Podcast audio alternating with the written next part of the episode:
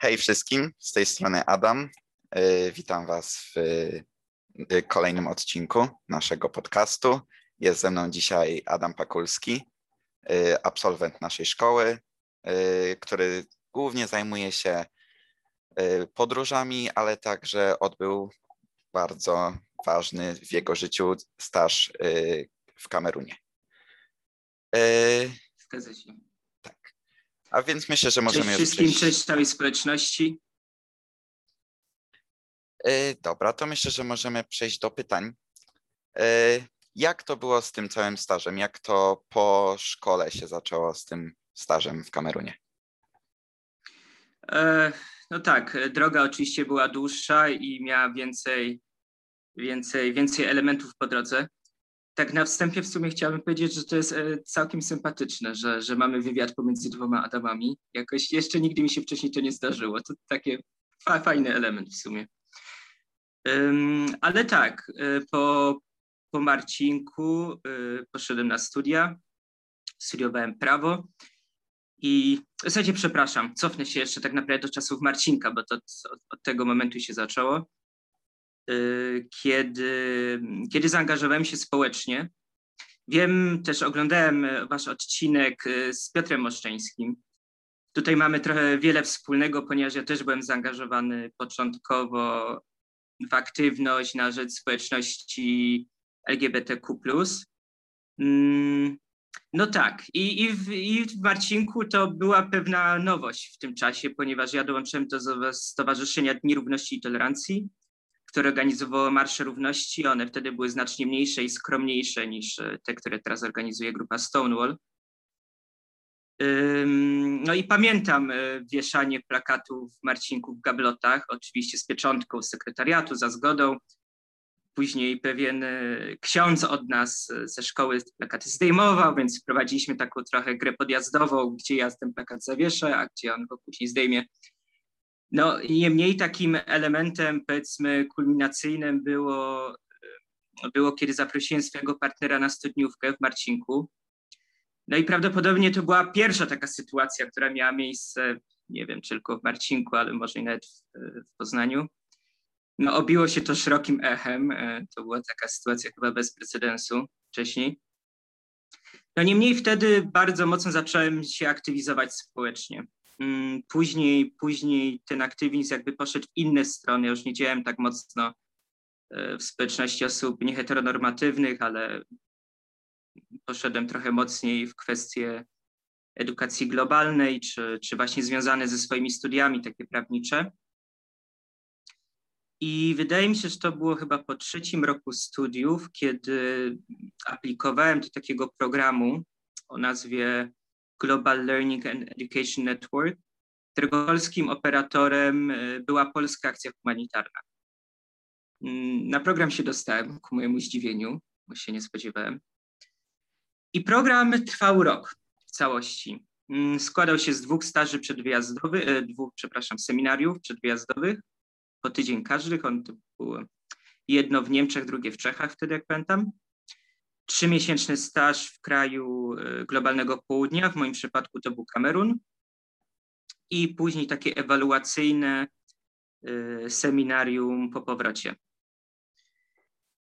No i tak, i to była, to była zdecydowanie no, podróż, która mocno e, oddziałała na mnie, na moje postrzeganie świata i na jakąś pewną taką wrażliwość kontaktów międzyludzkich. Ponieważ, no właśnie, zawsze mam taki problem, nie chcę, żeby ta opowieść o Kamerunie brzmiała trochę jak boso przez świat, że ja teraz będę mówił, jak tam było i że było tak że ludzie jeździli motorynkami, a nie samochodami, a że ktoś jadł coś takiego. Bo tak naprawdę nie o to w tym programie chodziło. Cały ten program, głównym jego celem było takie uwrażliwienie na kwestie globalnych współzależności, naszej roli i identyfikacji jako Europejczyków, czy, czy chociażby Polaków i Polek, jakby w takiej strukturze globalnej. Też dotyczyło to rasizmu, rasizmu strukturalnego, seksizmu. Przepraszam, chyba nie daję ci dojść do głosu. Nie wiem, czy Nie, nie, się... nie, możesz kontynuować. Dobra. Um, no właśnie, i, i te seminaria zresztą, które przygotowywały nas do wyjazdów, były prowadzone w takiej formule, że, że to nie było takie wchodzenie w sytuację konkretnego kraju, czy nawet jego sytuację polityczną, yy, co my tam będziemy oglądać czy widzieć, tylko chodziło o uwrażliwienie na kwestie kulturalne i społeczne. Pierwszym takim najważniejszym elementem to była samorefleksja nad swoją rolą w tym wyjeździe, ponieważ tutaj się pojawiało wiele znaków zapytania. Po pierwsze, czemu ja tam lecę? Czemu, czemu Polak leci do Kamerunu na trzy miesiące realizować jakiś projekt, a czemu Kameruńczyk nie przylatuje do Poznania realizować jakiegoś projektu? Jakby dlaczego to działa w jedną stronę? Jak też kto ten projekt finansuje i, i dlaczego ten projekt w ogóle chce finansować? Mm, więc było sporo takich kwestii do, do rozmyślania i każdy ten projekt, w moim przypadku ten projekt to on z angielskiego, jakby to dokładnie przetłumaczyć, to była produkcja i nadawanie programów edukacyjnych w lokalnym radiu. Mm, I to radio mm, znajdowało się w miejscowości o nazwie Oku, wysoko w górach, to było tam około 3000 metrów nad poziomem morza. I tą miejscowość można by porównać do takich trochę ustrzyk górnych. E, wysoko w górach, daleko na trochę rubieżach państwa. Mało Kameryjczyków o istnieniu tej miejscowości w ogóle wiedziało. I, i to radio stanowiło pewnego takiego rodzaju um, medium kontaktu, ponieważ tam był problem y, z dostępem zasięgu ze względu na, na, na to, że ta miejscowość była w górach. Nie było też za bardzo dostępu do telewizji, więc to radio stanowiło taką, no taki sposób komunikacji. Na przykład, jeśli był, powiedzmy, jarmark warzyw, to wtedy się szło do tego radia i się zapowiadało, że za trzy dni w tym miejscu będzie tam targ warzywny, a że e, ktoś zgubił dowód osobisty. I wtedy się mówi, że w tej tutaj kawiarni, w tym miejscu będzie do odbioru dowód osobisty tam tej i tej osoby, ponieważ był to najłatwiejszy sposób komunikacji w tym górzystym terenie. I wraz z moim tandem partnerem, ponieważ wszystkie te projekty odbywały się w parach, mm, mój tandem partner Aleksander, Aleksander e, z Niemiec ze mną tam poleciał. Mm, I, I pracowaliśmy razem e, z redakcją na miejscu, chcąc poruszyć tematy, które wydawały się ważne dla, dla lokalnej społeczności. Mm, czyli kwestia na przykład tolerancji religijnej, kwestia y, planowania rodziny, bezpiecznego, bezpiecznej takiej zachowań hi, higienicznych, y, sanitation, tak, y, kwestia dostępu do wody. No właśnie, ale to, co było dla nas ważne i co, o czym też dyskutowaliśmy wiele przed wyjazdem, to była kwestia, komu chcemy tą antenę udostępnić razem z tymi naszymi lokalnymi partnerami. Czy to my chcemy mówić, czy chcemy tak naprawdę oddać głos mieszkańcom? Kto powinien mówić? Czy w zasadzie w jaki sposób my jesteśmy upoważnieni, aby zabierać tam głos, przylatując do tej społeczności? Więc wydaje mi się, że wprowadziłem bardzo wiele wątków w tym. E, tak, tak. No właśnie. To tak zapytam o to radio. Yy, czy jest Tak. jakieś takie wspomnienie, yy, takie najbardziej, które przychodzi ci do głowy teraz, które najbardziej zapadło ci w pamięć? Hmm. Tak, no, no wspomnień, e, wspomnień mam wiele. E, Piękne wspomnienia. Mm, Jedno ze wspomnień to e, jak właśnie pracowaliśmy, pracowaliśmy z naszymi kolegami, koleżankami na miejscu nad programem mm, o tolerancji religijnej. No i dla mnie temat był taką trochę niewiadomą, ponieważ w Polsce mamy dość małą różnorodność religijną, chyba żadna tajemnica, więc nie wiedziałem do końca, jak się nastawić, czego się spodziewać. Spodziewałem się jakichś być może takich niesnasek, jakichś konfliktów. Okazało się, że byliśmy totalnie w błędzie z moim tamtym partnerem, że, że wielebni, księża, imam, e, tam będący na miejscu, żył ze sobą w absolutnej zgodzie. I się wszyscy przyjaźnią i, i, i razem jadają ze sobą posiłki. No, no to to był po prostu piękny moment tak naprawdę, bo każdy ten wywiad to było wzajemne komplementowanie yy, jakby innego, innego, nie wiem, tego przywódcy takiego yy, lokalnego lidera religijnego. I to jest coś, czego się absolutnie nie spodziewałem. No, też pamiętam, jakieś zostaliśmy poproszeni o opuszczenie muzyki ze swoich państw, podzielenie się. No i chyba nigdy nie zapomnę, kiedy, kiedy Mm, puszczałem piosenki zespołu Myslowic. E, Mądź świadomość, że docierały one, obejmowały zasięgiem cały północno-zachodni Kamerun, a nawet jeszcze trochę do Nigerii zahaczało. No to tak e, no ciekawe, ciekawe e, doświadczenie. Ale też w sumie, żeby nie mówić, że wszystko było tak kolorowo, też niestety ze względu na pewne uwarunkowania techniczne, które w dużej mierze są konsekwencją, można powiedzieć, polityki kolonialnej, która dotknęła Kamerun. Często ten region był pozbawiony y, prądu. Nie było dostępu do prądu. Jak wtedy to wszystko działało? Jak nie było tego prądu? No właśnie, niestety w dużej mierze można powiedzieć, że nie działało. I to było bardzo, bardzo duży problem dla społeczności, ponieważ faktycznie to było po prostu narzędzie komunikacji w dużej mierze dostępu do informacji. Kiedy tego dostępu do informacji nie ma, yy, no to następowało wiele takich problemów komunikacyjnych czy organizacyjnych w tych społecznościach. Bo ponieważ samo radio posiadało generator i baterie słoneczne, więc mogłoby nadawać, ale problemem było to, że jeśli nie było prądu, to nie mieli go też odbiorcy z radioodbiornikami. Więc ci bardziej tam, bardziej szczęśliwi mieli radyjka na baterię, mogli sobie tego radia Y, słuchać dalej, ale, ale większość osób niestety nie miała do tego dostępu. E, to teraz tak przejdę do tego całego Kamerunu. E, co tak naprawdę najbardziej Ci się spodobało w Kamerunie? Mhm. Tak. Mm.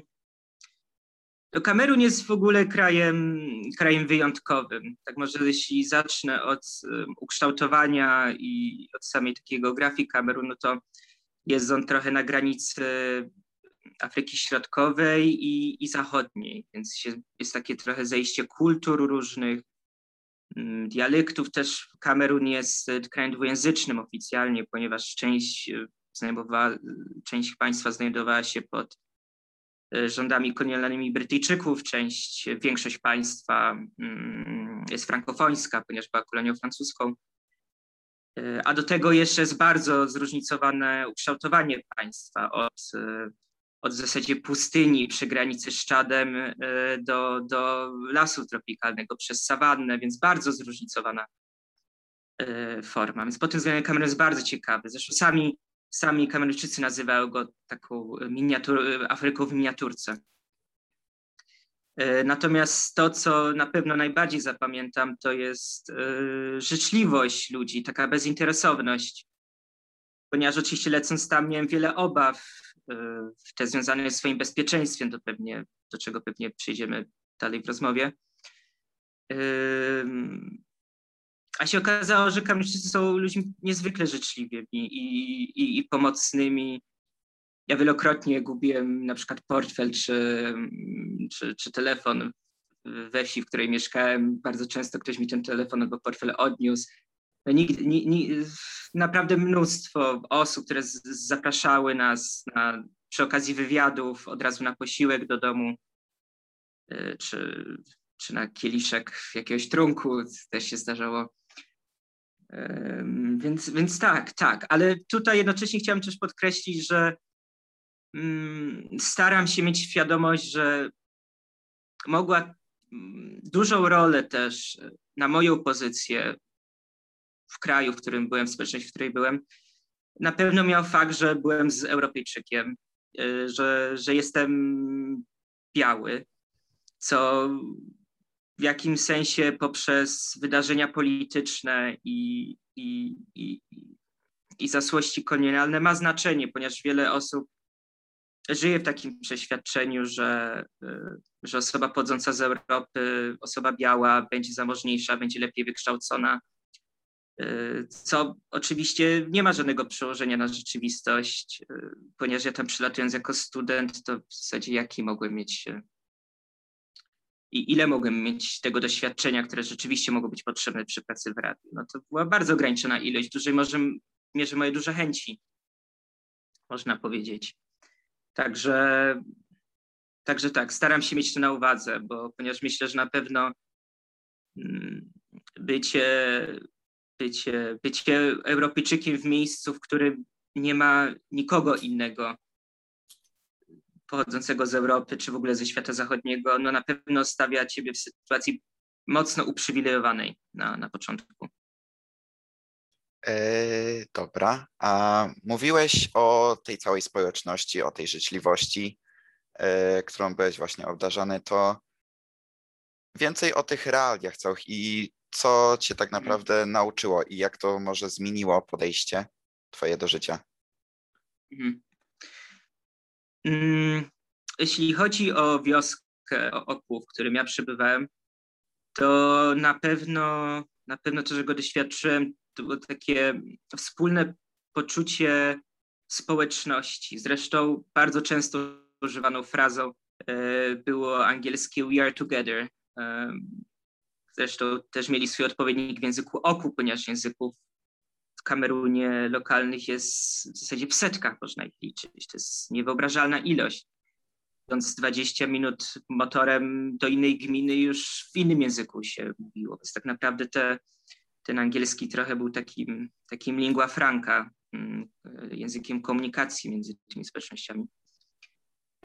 Ale pamiętam taką sytuację, ponieważ ja byłem tam w porze deszczowej, kiedy wskutek opadów zapadła się droga. E, droga w zasadzie była jedyną dojazdową do, do tej miejscowości.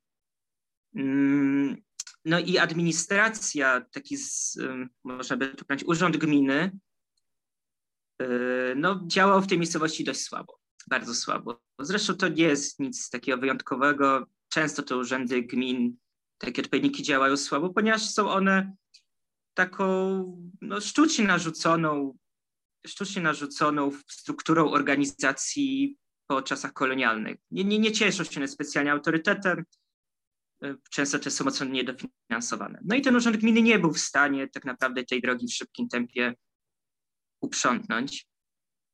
Ale w tej miejscowości istniał też drugi równoległy system władzy i był to, był to FON, który był takim przywódcą Rady Mędrców. Rada, która się nazywa Quifons, składa się ona właśnie z takich najbardziej utytułowanych mędrców z całej tej społeczności im przewodził ten fon, taki może być też odpowiedni takiego króla, nazwijmy, żeby było łatwiej to zrozumieć. I on się cieszył ogromnym autorytetem. W związku z tym, jak e, FON razem z Radą zdecydowali, że poniedziałek będzie dniem czynu społecznego i wszyscy mieszkańcy mają się udać i tą drogę po prostu z łopatami oczyścić, no to w poniedziałek na drodze zjawiło się 30 parę tysięcy osób. Ja te filmiki zresztą mam. Naprawdę, to było coś nieprawdopodobnego. Wszyscy się zjawili. Po prostu cały powiat, można powiedzieć, przyszedł tam z łopatami, Część kopała, część przygotowała jedzenie, część zrobiła herbatę. Każdy coś przygotował. Oczywiście dzieci były w szkole, żeby było jasne, to dotyczyło tylko dorosłych. Ale wszyscy zjawili się na tym czynie społecznym. I w zasadzie w dobę droga została przywrócona do stanu pierwotnego. No i to jest coś, czego ja w zasadzie w Polsce nigdy nie słyszałem chyba, żeby się wydarzyło. Jest coś absolutny fenomen, naprawdę. Takie poczucie, bardzo duże poczucie sprawczości obywatelskiej. E, to w jakiś sposób zmieniło to, jak podchodzisz teraz może do życia i do osób, które poznajesz codziennie? E, tak mi się wydaje. Znaczy na pewno mocno, mocno sprawiło, że, że dalej aktywuję swój e, taki aktywizm społeczny i jest on dla mnie bardzo ważny. I no i co, że też jakby zawodowo do tej pory staram się w tym kierunku rozwijać, ponieważ no mam świadomość, jak ważne jest takie budowanie postawy społeczności obywatelskiej A, a przynajmniej jeśli chodzi o, o Polskę, to mamy w tej kwestii no, sporo, sporo do zrobienia. Y, ale też, też w sumie chciałam się odnieść właśnie znów do wywiadu y, Piotra, ponieważ uważam, że, że powiedział wiele cennych rzeczy, między innymi też to, że taka życzliwość, to trochę, trochę być może czasami nam brakuje takiej wrażliwości i takiej uwagi na, na to, jak się mają osoby blisko nas. I to jest coś, co na pewno z tej społeczności bardzo mocno ze sobą zabrałem. No na pewno to się każdemu bardzo przyda, szczególnie w naszym kraju, gdzie no, sytuacje wybywają różne, ale myślę, że teraz możemy tak przejść do teraźniejszości, skoro mówiłeś, że właśnie jak wykorzystujesz to teraz, e, to czym się zajmujesz teraz na co dzień? E, tak. Znaczy, to, to nie, nie, nie jest może nic szczególnie pasjonującego. Pracuję dla dużej firmy turystycznej, której nazwy nie powiem, ale jestem pewien, że ty, ty korzystaj z tego portalu i pewnie każdy z nas. E, a pracuję w Atenach. Mm, tak. Właśnie w tej, w tej chwili. Czemu Ateny? Mhm. Czemu Ateny? No właśnie, ponieważ po, po Kamerunie y, no bardzo poczułem taki mm, zew poznawania, no, podróżowania, poznawania kultur i, i pracy w takim środowisku międzykulturowym. Także byłem na, na pierwszej wymianie na Erasmusie w Atenach, później w Stambule. Y, ostatnie półtora roku tak naprawdę w ogóle pracowałem w Brukseli, e, w Parlamencie Europejskim, także tak staram się zarysować trochę taką linię czasu, ponieważ tam się wiele, wiele, wiele wydarzało, wiele zmian. No właśnie, ale, ale te Ateny bardzo mocno utknęły mi w pamięci. Mm, wydaje mi się, że jest to miejsce, miejsce wyjątkowe. E, nie wiem, czy byłeś w ogóle w Atenach? Miałeś tak, okazję być? byłem, czy... byłem raz już. A, to właśnie, to powiedz mi, jakie są twoje wrażenia, bo wtedy będzie mi się łatwiej odnieść. Bardzo jestem ciekaw. E, byłem na tydzień, dwa mhm. tygodnie przed tymi gigantycznymi pożarami, dwa lata temu. A, okej. Okay. E, mhm. Bardzo spodobało mi, się, spodobało mi się to miasto. E, społeczność mhm. grecka po prostu uwielbiam. Praktycznie co roku wyjeżdżam na wakacje właśnie do Grecji, na jakąś wyspę najczęściej i mhm. społeczność, widoki, y, pogoda, po prostu wszystko, y, kuchnia szczególnie, mhm. y, po prostu podbiła moje serce. Ale tak wracając do Aten właśnie, to no Akropol, po prostu piękne widoki stamtąd, mhm. kuchnia znowu wracając, wszystko po prostu Ateny, chętnie bym tam jeszcze raz po prostu pojechał, poleciał też bardziej. A no widzisz, no właśnie, czyli, czyli um, mamy tutaj kolejną cechę wspólną poza imieniem, że, że też Ateny nam bardzo podeszły do serca. E, no ja się z tym wszystkim zgadzam. Kuchnia, ludzie, no naprawdę fantastyczne miejsce. Ja będąc tutaj podczas Erasmusa, oprócz tego, ponieważ e, tak już wspomniałem, studiowałem prawo, to tutaj ten Wydział Prawa się trochę różnił od mojego Wydziału Macierzystego na uniwersytecie. E, w Polsce, ponieważ był bardzo mocno zaangażowany politycznie. To jest w ogóle taka cecha specyficzna dla uniwersytetów greckich, że one są jakby to takie poczucie demokracji, te dyskusje są dla nich naprawdę bardzo bliskie, są bardzo, bardzo ważne. I, i przez to zaangażowałem się, no, zaangażowałem, no, w sensie powiedzmy, że jako wolontariusz, e, jako wolontariusz pomagałem przy takich organizacjach, przy jakichś zbiórkach czy przy imprezach na rzecz społeczności uchodźczej i migranckiej w Atenach, ponieważ ona jest całkiem spora. I Ateny w ogóle też są takim miastem, które oprócz tego, że są takie obrazkowe i piękne i, i mają sobie tu taką ciepłotę Greków i Greczynek, to oprócz tego są miastem, które doświadczyły bardzo poważnych kryzysów ekonomicznych, y, teraz związanych jeszcze z koronawirusem, turystyka, na której mocno się opiera grecka gospodarka, też siadła. Y, no oprócz tego bardzo duży, bardzo duży, bardzo duży taka, jak powiedzieć, przyjazd osób pochodzenia migranckiego nowo przybyłych związanych z kryzysami humanitarnymi na Bliskim Wschodzie. Także no, no, jakoś wydało mi się, że to jest, oprócz tego, że jest to po prostu dla mnie bardzo fajne miejsce do, do bycia, do mieszkania, do doświadczenia, jest to też miejsce, w którym jest naprawdę wiele do zrobienia.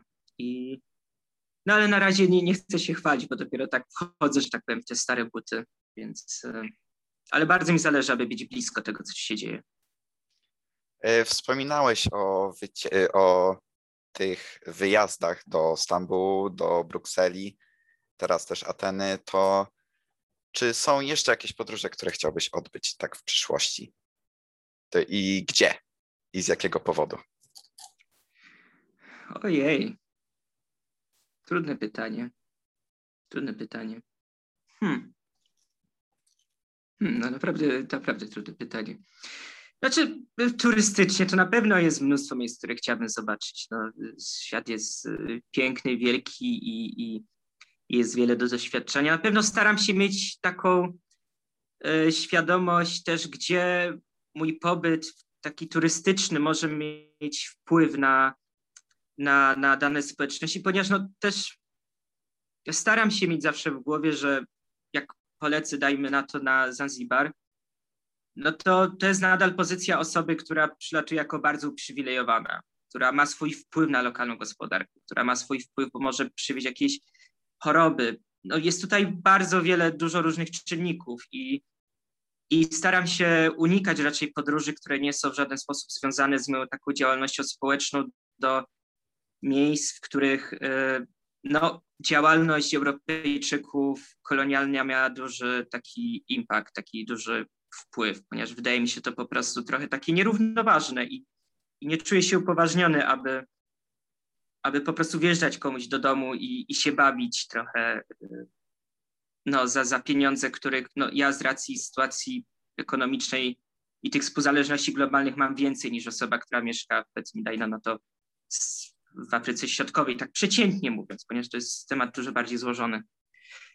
Natomiast nie ukrywam, że, że, że tak jak Ateny są bardzo bliskie mojemu sercu, to Bruksela też bardzo bliska memu sercu. No, bo tam też się zakochałem, może dlatego po prostu. Także myślę, że te dwa miasta w najbliższej przyszłości. No i Poznań oczywiście. No, wyczekujemy pana właśnie w naszym, ciebie w sumie. Yy, wyczekujemy tak. cię w Poznaniu, żeby może jakieś jakoś spotkać, jakoś może kolejny podcast nagrać. E, to w takim razie a propos Poznania przejdziemy do naszej szkoły. E, czy szkoła w dobry sposób e, przygotowuje na takie stosunki międzynarodowe, pracę i tak dalej? Hmm. Myślę, że to zależy. Myślę, że to zależy. Myślę, że na pewno mm, świetna jest sekcja dwujęzyczna, która działa w Marcinku. Myślę, że absolutnie otwiera wiele możliwości yy, i drzwi. No też prawda jest taka, że z moich najbliższych przyjaciół, przyjaciółek z czasów Marcinka, yy, to no, większość osób w sumie wyjechała. I z jednej strony można pomyśleć, że to trochę szkoda, bo nie zatrzymują najlepszych w Poznaniu, ale staram się mocno wierzyć w to, że to jest tylko taki etap przejściowy, żeby nauczyć się jeszcze więcej, nabrać więcej doświadczenia i wrócić do Poznania i budować jednak to y, no, takie bogactwo tego naszego miejsca pochodzenia. Mm. No myślę, że Marcinek jest bardzo złożony. Ja tak porównując właśnie, tak, może tak grecko trochę, ja dzisiaj postrzegam Marcinka jako taką agorę trochę, takie miejsce wymiany myśli. To jest szkoła zresztą też całkiem duża i, i jest wiele klas, nie wszyscy się tak naprawdę też znają. Ja trzy lata pochodziłem do Marcinka, mam wrażenie, że nie poznałem wszystkich osób ze swojego rocznika, ponieważ to była no, naprawdę duża ilość osób. Czy nawet wszystkich nauczycieli tak naprawdę do końca nie poznałem. Nie z każdym miałem okazję zebrać słowa. I mam wrażenie, że tam się ścierało dużo różnych myśli i opinii. I, I myślę, że nie wszyscy tą szkołę przeszli łatwo. Ja też ją przechodziłem, tak uczciwie mówiąc, no, nie najłagodniej, ale wydaje mi się, że no, jest tam wiele świetnych osób. I, I naprawdę absolutnie cieszę się, że kończyłem tę szkołę, ponieważ poznałem wiele świetnych osób, też część świetnych belfrów, zresztą jak chociażby pan doktor Krzysztof Modelski, dzięki, dzięki któremu się też tutaj online spotykamy, czy pani Agnieszka Gabrielska czy Ewa Leśniewska. Myślę, że one bardzo ukształtowały mój światopogląd i bardzo mnie wspierały w swojej takiej aktywności społecznej w czasie Marci, w czasach licealnych. No, ale też y, były osoby, z którymi tak nie było kolorowo. Więc myślę, że to jest bardzo indywidualne. Na pewno, na pewno Marcinek jest no, bardzo różnorodny i, i, i daje dużo możliwości, ale myślę, że trzeba też mieć szczęście, aby dobrze trafić. To tak od razu przejdę do tego.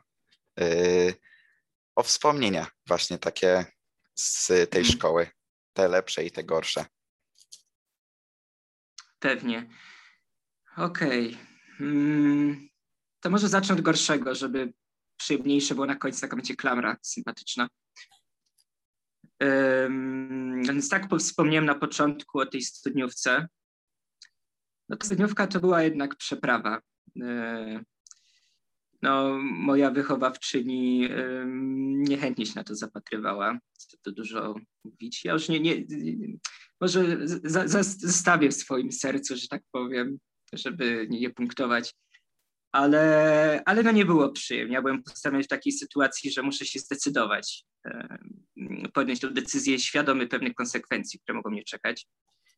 Moja mama zresztą wylądowała później na sowietnym dywaniku, e, też w związku z tym, więc sprawa poszła wyżej. Mm, no i cóż, ale otrzymałem duże wsparcie od społeczności uczniowskiej, mm, bardzo duże wsparcie od też pewnego grona nauczycielskiego, więc jestem szczęśliwy, że, że się udało, bo to było ważne dla mnie, y, dla jakby odkrywania własnej tożsamości, ale wydaje mi się też otworzyło, przetarło pewne szlaki i dzięki temu dzisiaj Marcinek pewnie poniekąd może też w rankingu być honorowany tymi, e, tymi zaszczytnymi tam pozycjami, miejscami ponieważ to jest to efekt pewnie wielu osób, które przycierały te szlaki. No ale, ale no, dla mnie, dla młodego człowieka był to trudny okres, co tu dużo mówić. No. Tak. Więc to, to, to jest na pewno taki trochę trudniejszy moment, pewien moment zwątpienia. Hmm.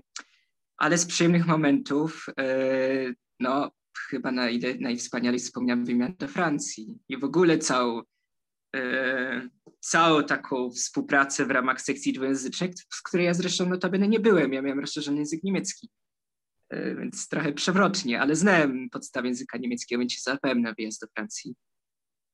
E, no i wydaje mi się, że, że to też było fajne takie zbliżenie z nauczycielami, możliwa taka, taka okazja bliższego poznania w ogóle takie wyjazdowe okazje. Pamiętam też, jak byliśmy z klubem europejskim, mm, z paniami właśnie Gabrielską i Leśniewską na wycieczce po Belgii, Holandii, po krajach Beneluxu. No, wspaniale jest jakby móc chodzić po mieście, rozmawiać razem o architekturze, o, o nie wiem, o Annie Frank i, i poznać bliżej tak naprawdę, bo, bo nauczyciele to są ludzie, tak samo jak my. I tylko, że w tych szkolnych realiach nie zawsze czasami być może zna to miejsce, szczególnie w dużych klasach.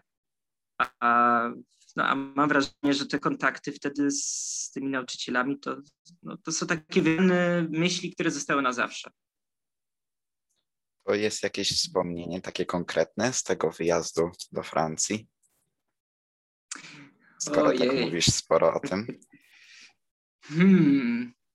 O tak, tak, już chyba wiem, które wspomnienie. E, miejscowość się nazywa Anone. Zresztą ja nie wiem, czy, czy, czy nadal są wymiany z Anone, z, z licą w Anone.